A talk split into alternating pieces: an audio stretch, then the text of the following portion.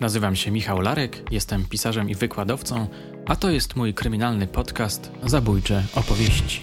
Sezon drugi, szalone lata 90., odcinek drugi, jak wytropiliśmy grupę Waldemara M. Opracowanie dźwiękowe Paweł Dalecki.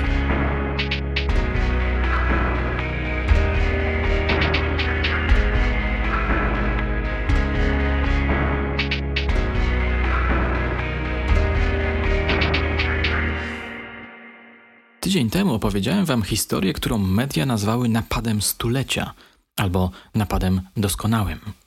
Dzisiejszy odcinek jest swoistą kontynuacją poprzedniego. Zawiera relację starszego aspiranta sztabowego Karola Hirsza, koordynującego działania wykrywcze. Z Waszych komentarzy wynika, że bardzo spodobał Wam się podcast z udziałem oficera, który osobiście zatrzymał Tadeusza Kwaśniaka. Jest to dla mnie zrozumiałe. Słuchanie opowieści bohaterów prawdziwych wydarzeń to doświadczenie niezwykle ekscytujące. Przyznaję, że ja sam jestem od tego uzależniony. Dlatego postanowiłem pójść za ciosem i zorganizowałem spotkanie z Hirszem, świetnym operacyjniakiem, który potrafi ciekawie gawędzić. Z kronikarskiego obowiązku dodam, że nasza kryminalna nasiadówka odbyła się 30 kwietnia w jednej z kawiarni galerii handlowej Pestka. Stąd te wszystkie dźwięki w tle. Mam nadzieję, że nie będą Wam przeszkadzały w odbiorze. Nasiadówkę rejestrował Marcin z kanału Niediegetyczne. Towarzyszyła nam jego dziewczyna Agnieszka, którą serdecznie pozdrawiam. A teraz do dzieła. Jest 10 sierpnia 1993 roku. Posłuchajcie. Było to dokładnie w południe kiedy dostaliśmy informację, że y, miał miejsce napad na y, konwój z warzyńskich fabryk mebli. Była to y, na razie sucha informacja, ale dyrekcja nasza zadecydowała o tym, żeby się włączyć. W tym, w tym czasie akurat pracowałem w Komendzie Wojewódzkiej Policji Wydziale Kryminalnym zajmującej się między innymi napadami. Zorganizowaliśmy samochód, pojechaliśmy na Nowe Miasto, bo z suchych informacji wiadomo, że się nic szczególnego nie dowiesz. Na Nowym Mieście w komisariacie już praktycznie mm, dowiedzieliśmy się, jak to mniej więcej wyglądało i chodziło to konkretnie o to, że mm, zostały mm, sprawcy użyli aktualnej, autentycznej firmy Alwas, którą prowadzili byli funkcjonariusze policji, znaczy milicjanci tam, na tamte czasy i oni y, dowiedzieli się, że dzień wcześniej, że nie ma y, tego konwoju, że jest przesunięty, jakieś telefony. To było tylko z tych pobieżnych informacji na początek, ale co najważniejsze to to, że sprawcy y, po, y, podszyli się pod tą firmę Alwas pojechali do Swarzędza. Tam zabrali kasjerkę mm, plus jeszcze jedną panią i y, ochroniarza, który był zatrudniony tam u nich. I przyjechali do Poznania pod y, bank y, gdański na ulicy Paderewskiego. I był to zachowywali się jak praktycznie jak, jak prawdziwi ochroniarze. No, trochę tych ludzi tam może zdziwiło, ale to się dopiero okazało później, że, że mm, trochę im tam nie pasowały ubiór, że nie mieli emblematów, że nie było drugiego samochodu, ale to wszystko nastąpiło dopiero po jakimś czasie, gdy ci ludzie trochę ochłonęli, bo na początku to było dużo chaosu. No i okazało się również, że mm, oni zostali wywiezieni do lasu mm, pod Wieżonką i tam z, zostali porzuceni w lesie, zostali sobie tam, siedzieli do momentu, aż nie, oni nie ochłonęli, usłyszeli, że się nic nie dzieje i, wtedy wyszli tam stąd i doszli do, do pierwszego mm, z mieszkańców, którego spotkali i on ich tam zaprowadził chyba na komisariat na, do Swarzędza, z tego co pamiętam. I y, w trakcie y, tego okazało się, że pobrali z banku 5 y, miliardów, chyba ponad 5 miliardów Y, złotych. To było na wypłaty dla mm, swarzęckich y, fabryk mebli. No i, i, te pieniądze oczywiście zginęły, a samochód, którym się posłużyli, został niedaleko, nie wiem, z kilometr może, y, w lesie podpalony i praktycznie spłonął doszczętnie. Jest to, mm, no i oczywiście sprawcy odjechali w NN kierunku. W trakcie czynności wykonywanych już bezpośrednio z tymi pokrzywdzonymi, oni zaczęli opowiadać, jak to mniej więcej było, że y, praktycznie dzień wcześniej y, stracili łączność, z, y, cały swarzędz został odcięty od, od, świata z uwagi na to, że energetyka i, i telekomunikacja stwierdziła, że ktoś po prostu przeciął wszystkie kable na, na granicy między Antoninkiem a Swarzędzem. Praktycznie łączności nie było, no, na tamte czasy nie było telefonów komórkowych, tylko były telefony stacjonarne. No i po tym czasie mm, w trakcie tych czynności wykonywanych y, z nimi sporządzono portrety pamięciowe. No i co najważniejsze, to y, zaczęto badać y, ten samochód. Zanim zajmiemy się tym samochodem, przeczytam Wam artykuł zamieszczony w Głosie Wielkopolskim z dnia 11 sierpnia 1993 roku. Chodzi mi o to, żeby ustalić ówczesną wiedzę na temat zaistniałego zdarzenia. Tytuł Skok za 5 miliardów. Pracownicy swarzeńskich fabryk mebli wypłatę otrzymują z opóźnieniem. Wczoraj między godziną 9.30 a 10 napadnięto na konwój wiozący 5 miliardów złotych na wynagrodzenia dla pracowników tego zakładu. O zdarzeniu tym opowiada Tomasz Ślebioda, zastępca komendanta Komendy Rejonowej Policji w Swarzędzu. Rano do kasy swarzęckich fabryk mebli zgłosili się trzej mężczyźni podający się za pracowników jednej z poznańskich firm ochroniarskich. Kasjerzy, dwie kobiety i starszy pan pojechali w ich towarzystwie do banku. Pobrali pieniądze 5 miliardów złotych. W drodze powrotnej przed wiaduktem na drodze A2 koło Antoninka ochroniarze narzucili pracownikom fabryki kaptury na głowy, skuli kajdankami i zostawili ich w lesie. Odjechali w nieznanym kierunku. Edward Chojnacki, zastępca dyrektora zakładu telekomunikacyjnego w Poznaniu, powiedział nam, że w nocy z poniedziałku na wtorek przecięto kable telefoniczne między Swarzędzem a Antoninkiem. Policjanci ze Swarzędza twierdzą, że jest wysoce prawdopodobny związek tego wydarzenia z napadem na konwój. Podpisano FK. Jeszcze drugi fragmencik podpisany przez dziennikarza o pseudonimie BEP. Tuż przed północą dowiedzieliśmy się, że sprawę przejęła Komenda Wojewódzka w Poznaniu. Z faktu, że pracownicy wydziałów operacyjno-rozpoznawczych i dochodzeniowych nadal penetrowali okolice Swarzędza, każe domniemywać, że policja zabezpiecza maksymalnie dużą liczbę dowodów rzeczowych i osobowych, aby ustalić ostateczną wersję śledczą. Samochód został doszczętnie spalony i praktycznie tylko dzięki y, pracownikowi y, Wydziału Kryminalistyki, który tylko i wyłącznie robił, pracował nad samochodami, ponieważ na tamte czasy wszystkie samochody zagraniczne właściwie były sprowadzone y, z, z Niemiec i one, każdy, każda firma miała swoje jak gdyby miejsca na znaki, które, które były po prostu w danym samochodzie. Mercedes miał gdzie indziej, miał naklejki yy, pod siedzeniami i tak dalej. Volkswagen miał w różnych innych rzeczach.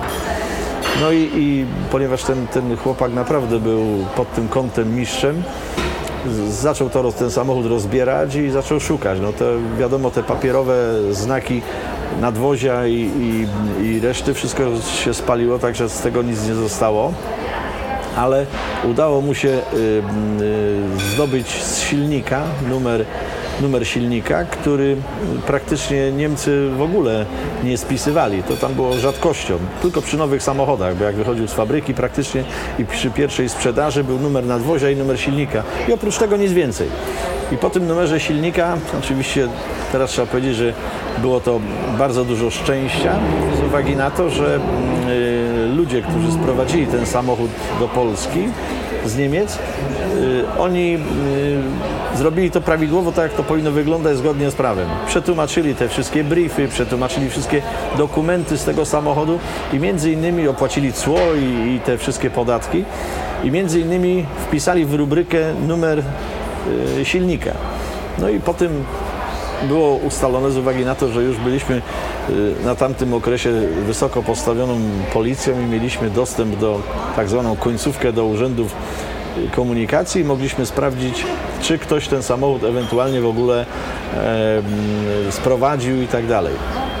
Okazało się, że to byli, to byli handlarze samochodów y, z, z Ostrowa, o ile dobrze pamiętam, chyba z Ostrowa. I y, po nitce do Kłębka do, dotarliśmy do, do tego, do, do nich i oni stwierdzili, że samochód został sprzedany y, na terenie giełdy na, na mm, Ławicy u nas tu w Poznaniu. No i kupił go tam o mały, średni, w okularkach i tak dalej. No i to była praktycznie cała, cała informacja. Trochę było zrobionych portretów pamięciowych, które y, jak gdyby mm, pokrywały się z tym, co powiedzieli pokrzywdzeni. Mówię o, tutaj o konwojencie i o tych paniach, które jechały tym samochodem. Kolejny fragment będzie poświęcony technicznej stronie działań wykrywczych. Zależy mi, żebyście o tym posłuchali przekonali się, czym się różni robota prawdziwej policji od tej, którą znamy z powieści, filmów oraz seriali. I y, oczywiście równocześnie w tym samym czasie, y, bo o tym nawet nie wspomniałem, y, powstała grupa operacyjno-dochodzeniowa w Komendzie Wojewódzkiej, którym szefem został y, Krzysztof Krzyżański, wczesny zastępca komendanta wojewódzkiego policji. W skład tej grupy wchodzili naczelnicy Wydziału Dochodzeniowego i Kryminalnego, no i oczywiście my, leśne żuczki, które, które żeśmy przy tym pracowali. No i z każdej jednostki jeszcze zostali ściągnięci ludzie. Nie pamiętam już ile ta grupa liczyła, ale sporo w każdym razie osób. No i, i trzeba było zacząć y, robić typową dokumentację tego wszystkiego, no bo do, do procesu został ściągnięty zastępca komendanta y, komisariatu ze Swarzędza, Tomek Ślebioda, bardzo dobry policjant zresztą, dochodzeniowy. I praktycznie w dwójkę żeśmy to ciągli. Trzeba było codziennie przygotowywać się na, na mm, zlecenia, gdy grupa przychodziła. Musieliśmy, musieliśmy przekazywać mm, to, co było zrobione z poprzedniego dnia swoim szefom. No i żeśmy robili plany, co robić na następny dzień. Był taki moment, kiedy e, zaraz na samym początku właściwie to mm, szef Swarzeńskich Fabryk Mebli, pan Śliwocki, wystawił prasie, że chce zapłacić ileś tam set tysięcy złotych za informacje na temat sprawców i tak dalej. To tak jak gdyby w gazetach było na pierwszych stronach i tam nikt się generalnie tym nie, nie interesował, ale w pewnym momencie ktoś zadzwonił na ten telefon i się spytał, czy to jest na fakcie, że te pieniądze będą i tak dalej ktoś, kto odbierał ten telefon w Swarzędziu, oczywiście powiedział, że, że wszystko jest aktualne i tak dalej. No i wtedy nas poinformowano, że taki telefon był i pojechaliśmy do, do, do, do prezesa, żeby prezes y, ponowił jak gdyby tą informację, żeby ten ktoś, który dzwonił, żeby się odezwał i tak dalej. Okazało się później, że ten telefon wykonał jeden ze sprawców napadu. Dlaczego? Wrócimy do tego później. Ale to bardzo zabawna sprawa ale równocześnie oczywiście myśmy rozpoczęli pracę typowo operacyjną, bo trzeba było y, wyciągnąć wnioski z tego, co się stało. No i polegała ta mm, praca na tym, że mm, musieliśmy ustalić, gdzie ten samochód ewentualnie w Poznaniu był zaparkowany, schowany, czy, czy jeżeli ktoś go schował u siebie w, na swoim parkingu, no to trudno było znaleźć, ale poszła taka informacja w prasie, mając już na y, fakt y, autentyczny o tym samochodzie, było zrobione zdjęcie, zdjęcie tego samochodu i pokazano w prasie, że kto widział taki samochód w tym i w tym okresie, żeby ewentualnie ktoś się zgłosił i, i tak dalej. No i, i y, informacja przyszła, y, że podobny samochód stał, ale nie chodziło nawet o sam samochód, tylko że taki zbieg okoliczności, że podobny samochód stał i że on był zamknięty i nie szło go otworzyć. I, i wtedy przyjechał jakiś facet, który ten samochód otworzył i, i, i y, następnie po otwarciu tego samochodu ten, ten y, y, samochód odjechał z tego parkingu. W trakcie rozmowy z, z tymi panami na parkingu okazało się, że facet, który, który był w tym czasie w pracy, ten parkingowy, stwierdził, że zauważył, że przyszedł facet niskiego wzrostu, podobny do rysopisu, który nam wskazał i pokrzywdzeni podczas napadu, jak również, że przy sprzedaży tego samochodu, tego Volkswagena, facet określił, że widział, jak ten facet odjeżdżając, stał zaparkowany samochód marki Mercedes srebrny kolor i, i, i, podał nawet tam symbol tego Mercedesa. I wtedy żeśmy tym tropem poszli, patrząc na to, że y, pasują te rysopisy, są mniej więcej zbieżne do, do tego. No i automatycznie y, zaczęliśmy szukać takich Mercedesów. Okazało się, że ich było tam 20 ileś sztuk, które należało eliminować po kolei z całego województwa. No i, i ten. I tak po kolei żeśmy to eliminowali, te samochody. W końcu zostały cztery, które już najbardziej pasowały do tego wszystkiego, do, do tego samochodu Mercedesa. No i okazało się, że yy, przy analizie tych dokumentów, wszystkich, które, nastąp, yy, które żeśmy zbierali, wynikało, że na ten parking na ulicy Głogowskiej przyszedł facet, który niedaleko ma warsztat samochodowy. I się okazało, że y, ten facet tam pracuje, jest właścicielem, bardzo bogaty zresztą jak na owe czasy, ponieważ mieszkał y, w pięknej willi y, na Śródce, bardzo ładna, zresztą z filarkami, z jakimiś tam gzymsami i tak dalej. No to na owe czasy to sobie biedak tak nie mieszkał. No. No i ten warsztat, który, który prowadził, to też był bardzo duży warsztat samochodowy, bardzo dużo ludzi się tam przewijało. No i żeśmy się tym warsztatem zainteresowali, ustaliliśmy mm, gdzie mieszka i tak dalej. No i wszystko pasowało z tym rysopisem, że ewentualnie mógłby to być jeden z tych sprawców. Ale w międzyczasie, oczywiście po y, możliwości ustalenia y, tego telefonu, z którego, z którego y, dzwonił ten osobnik, który się pytał, czy te pieniądze są aktualne o Swarzędz, ustaliliśmy ten numer telefonu i, i żeśmy powiązali tego właściciela samochodu mm, Mercedesa z tym klientem, który dzwonił. No i już żeśmy mieli tak ewentualnie powiedzmy dwóch ludzi, którzy mogli brać ewentualnie udział w tym napadzie. Oczywiście to, to ja tu mówię bardzo krótko i hasłowo, ale mm, było to ogrom pracy, przerobienie podzielenie Poznania na sektory, sprawdzanie wszelkiego rodzaju parkingów i tak dalej, to, było, to była po prostu mrówcza robota. Ale jedno jest pewne, że przy tej sprawie yy, można powiedzieć jednoznacznie, że tylko i wyłącznie kolektyw i każdy wydział, który miał zlecone zadania, wykonał je perfekcyjnie bo z każdego wydziału dowiedzieliśmy się pewnych informacji, które potem musieliśmy połączyć w jedną całość, żeby przygotować to ewentualnie do jakiejś tam realizacji.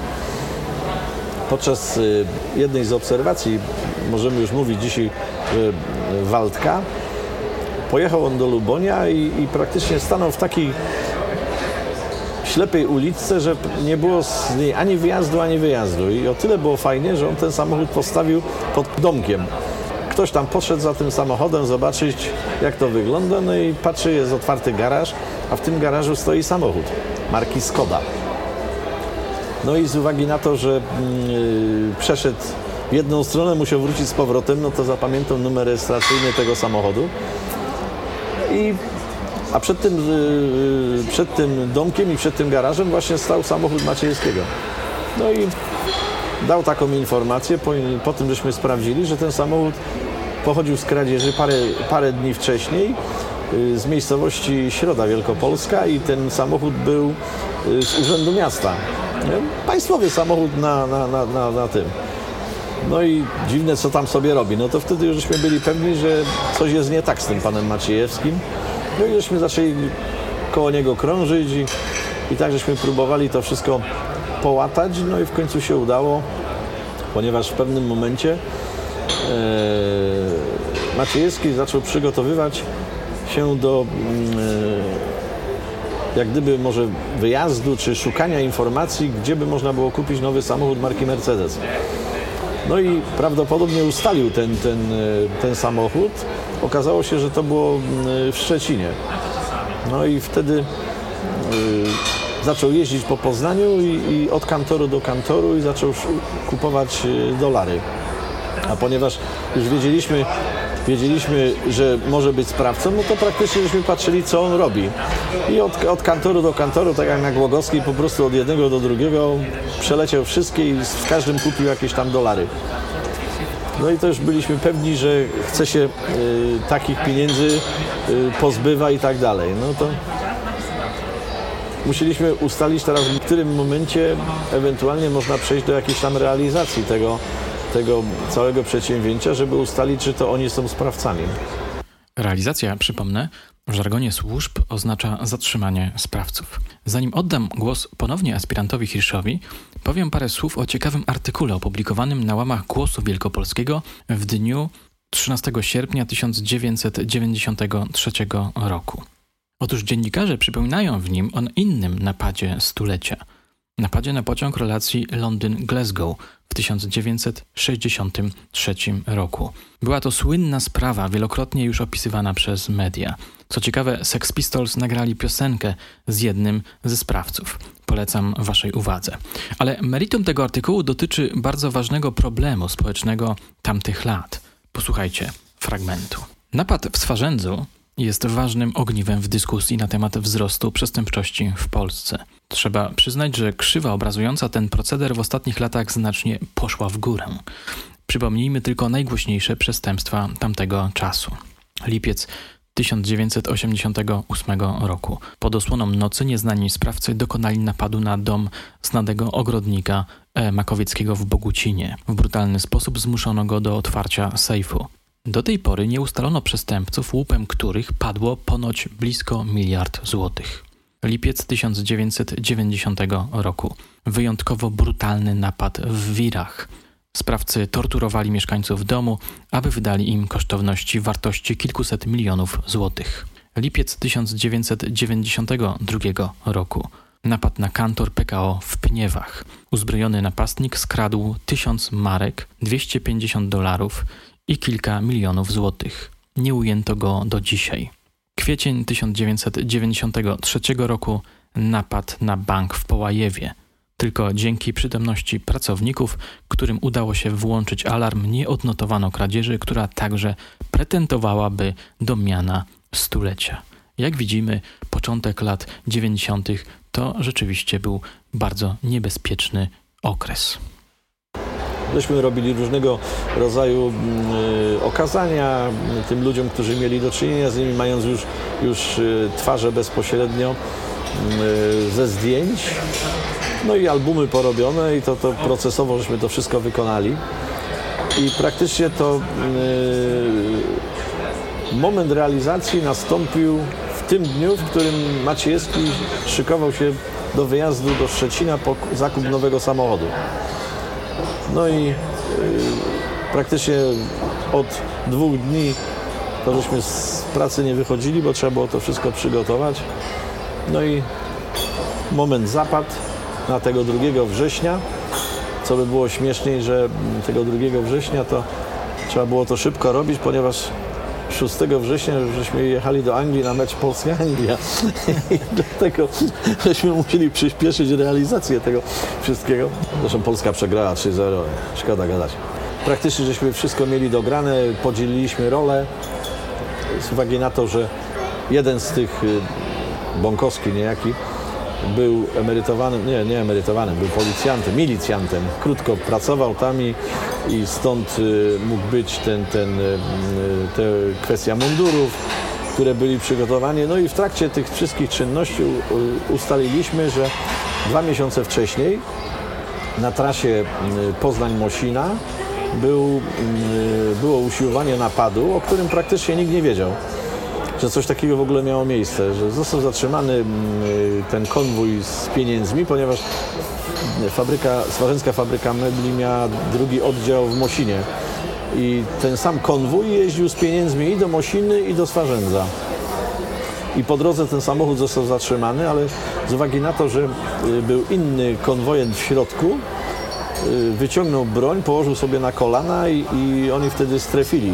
Wystraszyli się, że po prostu może dojść do, do tego i po prostu odpuścili to i wymyślili tę nową, nową metodę y, podszycia się pod, y, ten, y, pod spółkę detektywistyczną Alwas. W trakcie tego wszystkiego oczywiście jeszcze nastąpiły takie sytuacje, skąd ten brak łączności. Ale to już w trakcie ich wyjaśnień okazało się, że mm, jeden ze sprawców, ten Krajewski, y, Maciejewski go przywiózł do studzienki, podniósł, podnieśli właz od tej studzienki, dał mu piłkę do cięcia metali i mówi rżnij to, nie? No to ten wszedł na dół, ciął te kable wszystkie jak tego, mówi, że nie wiadomo, który jest od łączności, który od prądu. Ciął wszystko, co się dało, iskry fruwały podobno w powietrzu, a na pytanie Maciejewskiego, a co by się stało, gdyby po prostu go tam e, prąd popieścił i tak dalej. No, no co, no zamknąłbym włas i pojechałbym do domu. Także taki miał szacunek do swoich współtowarzyszy pracy. Oj, panie Waldemarze, nieładnie, nieładnie. A tak na poważnie. W trakcie przesłuchań okazało się, że ów napad doskonały wcale nie był napadem doskonałym. Owszem, miał on w sobie coś oryginalnego, kreatywnego, ale był jednak przedsięwzięciem amatorskim. Pisząc powieść inspirowaną tą historią, mocno podkreśliłem ten fakt. No cóż, prawdziwe przestępstwa zazwyczaj podszyte są niedoskonałością, co w moim przekonaniu czyni je intrygującymi. To może jeszcze powiedzmy, dlaczego ten y, gość zadzwonił e, po te pieniądze. A, bo to, to, też wynikło, to też wynikło w trakcie dopiero to samych Bąkowski? czynności. Proszę? To dzwonił Bąkowski. Tak, to dzwonił Bąkowski, bo to dotyczyło takiej sytuacji. Po zaborze tych pieniędzy, wszystkie pieniądze zabrał ze sobą Maciejewski jako organizator. A dał im dosłownie tam na jakieś ochłapy można powiedzieć, przy takiej sumie, to jakieś tam ochłapy, żeby po prostu nie zgupieli, że mają tyle pieniędzy. I Krajewski kupił sobie pralkę do domu, a Bąkowski no jakoś tam te pieniądze przeżył i, i, i nie było tego. Ten się dzwonił, bo chciał po prostu odzyskać chociaż coś pieniędzy na życie, no bo jak Maciejewski się nie chciał podzielić, no to Bąkowski po prostu dzwonił, czy by chciał te pół miliarda tam, czy nie wiem, czy pół miliona, nie wiem, już to Maciejewski był skąpym szefem. Tak, skąpym szefem. Nie chciał im tam nic dawać. Mówi, że musimy to odczekać, wszystko i tego, a sam sobie Mercedesa przygotowywał do tego. Nieładnie. No, także... No i finał był taki, że yy, przy zatrzymaniu, oczywiście oni wyjeżdżali już yy, z Poznania, wtedy nastąpił jak gdyby zatrzymanie przez Wydział Ruchu Drogowego, bo akurat się tam znalazł Wydział Ruchu Drogowego, który zatrzymał samochód do kontroli. No i resztę już zrobili koledzy, którzy po prostu ich tylko zwinęli i przywieźli do, do komendy. Oczywiście... Były jakieś problemy? Nie, żadne. Oprócz tego, że lecieli lotem koszącym z samochodu w powietrzu, no to nic więcej. Także w rowach leżeli chłopaki poukładani jak baranki, skuci, także nawet nie wiedzieli, co się stało. No i praktycznie to było rano, gdzieś nie wiem, koło ósmej na ulicy, na ulicy Bałtyckiej i praktycznie... Nie Lutyckiej? Y, Lutyckiej, przepraszam, Lutyckie, Bałtycka. I praktycznie od tego momentu już gdzieś w południe wszyscy powiedzieli, jak to było, kto co zrobił, kto był organizatorem. Jedna rzecz, tego trzeciego w innym miejscu zwinęliście. Y, nie, nie, wszyscy byli od razu. To znaczy na zasadzie takiej, że ci dwaj, którzy jechali do, do Szczecina, byli zwinięci tam i w tym samym czasie następna ekipa już jechała po Bąkowskiego, bo Bąkowski z nimi nie jechał wtedy.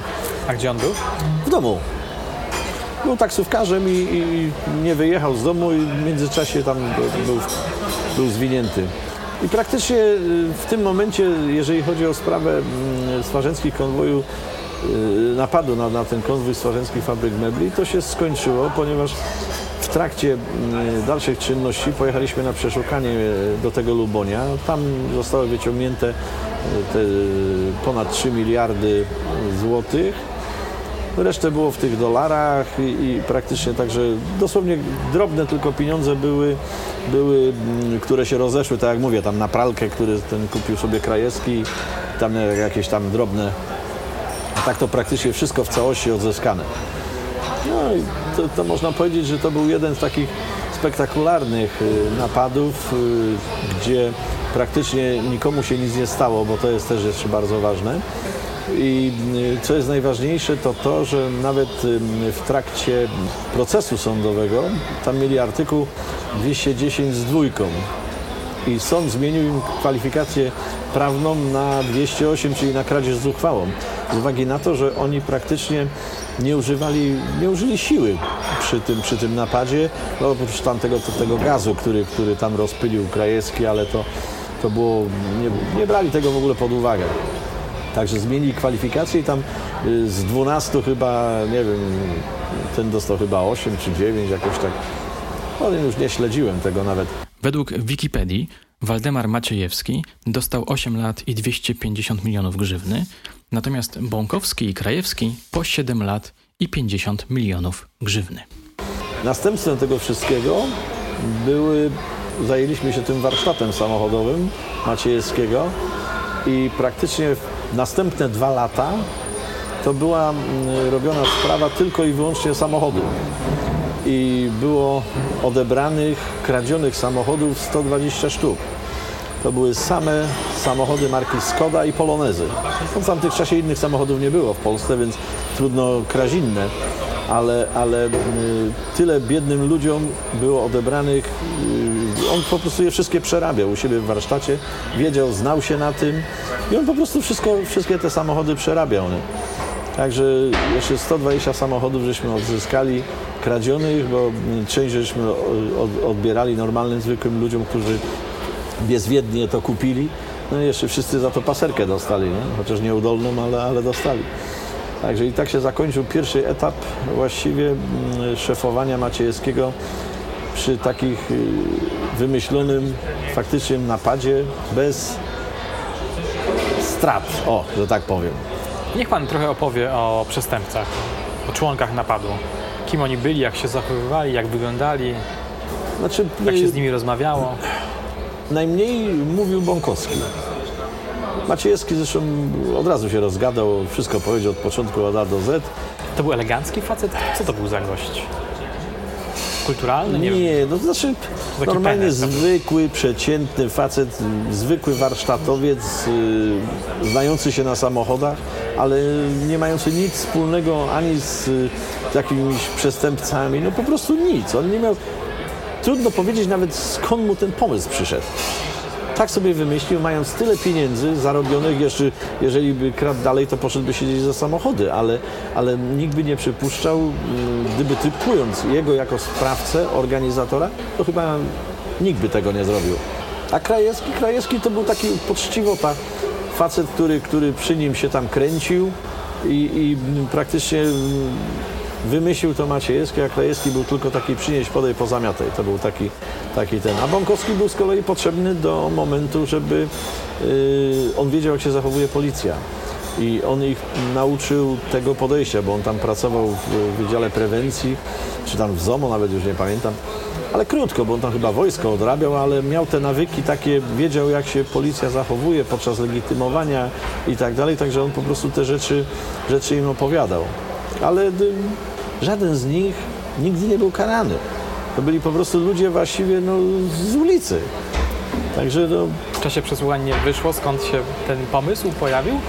Szczerze powiedziawszy nie pamiętam nawet. Aha. Nie pamiętam tego, y, tych szczegółów y, rozmów z nimi, bo y, tego było tyle i, i, każdy wątek właściwie opowiadania to, to dla nas najważniejszy był ten początek. Jeżeli zatrzymani, przyznani i to jest, było dla nas najważniejsze. A wszystko to, co się działo później, co, co Wydział Dochodzeniowy brał udział mm, w przesłuchaniach i tak dalej, w zależności od tego, co znowu prokurator chciał, nie? bo to też jest do, do tego, co mu tam było potrzebne do aktu oskarżenia. I, i dlatego mm, zupełnie nie pamiętam. A w ogóle nawet do nie, nie przykładam wagi nigdy do takich rzeczy. Mnie to po prostu już nie, nie interesuje. Mogę sobie zrobić o haczyk odchwajkowany i następna sprawa do roboty. Nagroda była? No była, no nie no, to była, to była y, jeden, y, w tym czasie komendantem był y, pan Smolarek i, i on powie, tak, komendantem głównym w Warszawie, on powiedział, że musicie to wykryć i koniec, nie? Nie ma, nie ma dwóch zdań.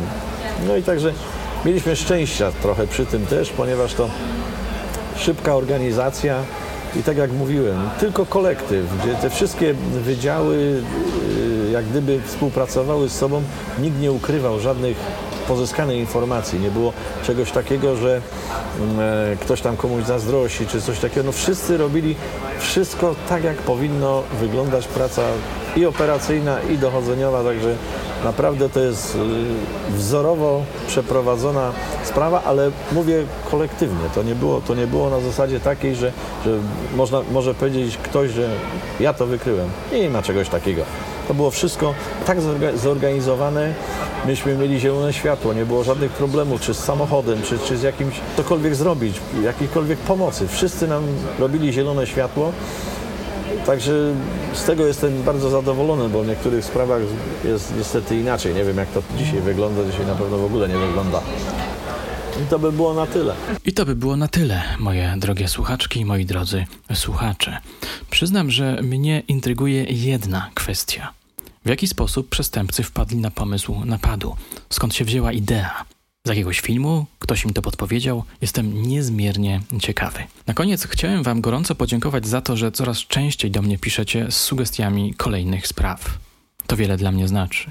Niektóre propozycje na pewno postaram się wykorzystać. Wśród nich jest jedna szczególnie intrygująca.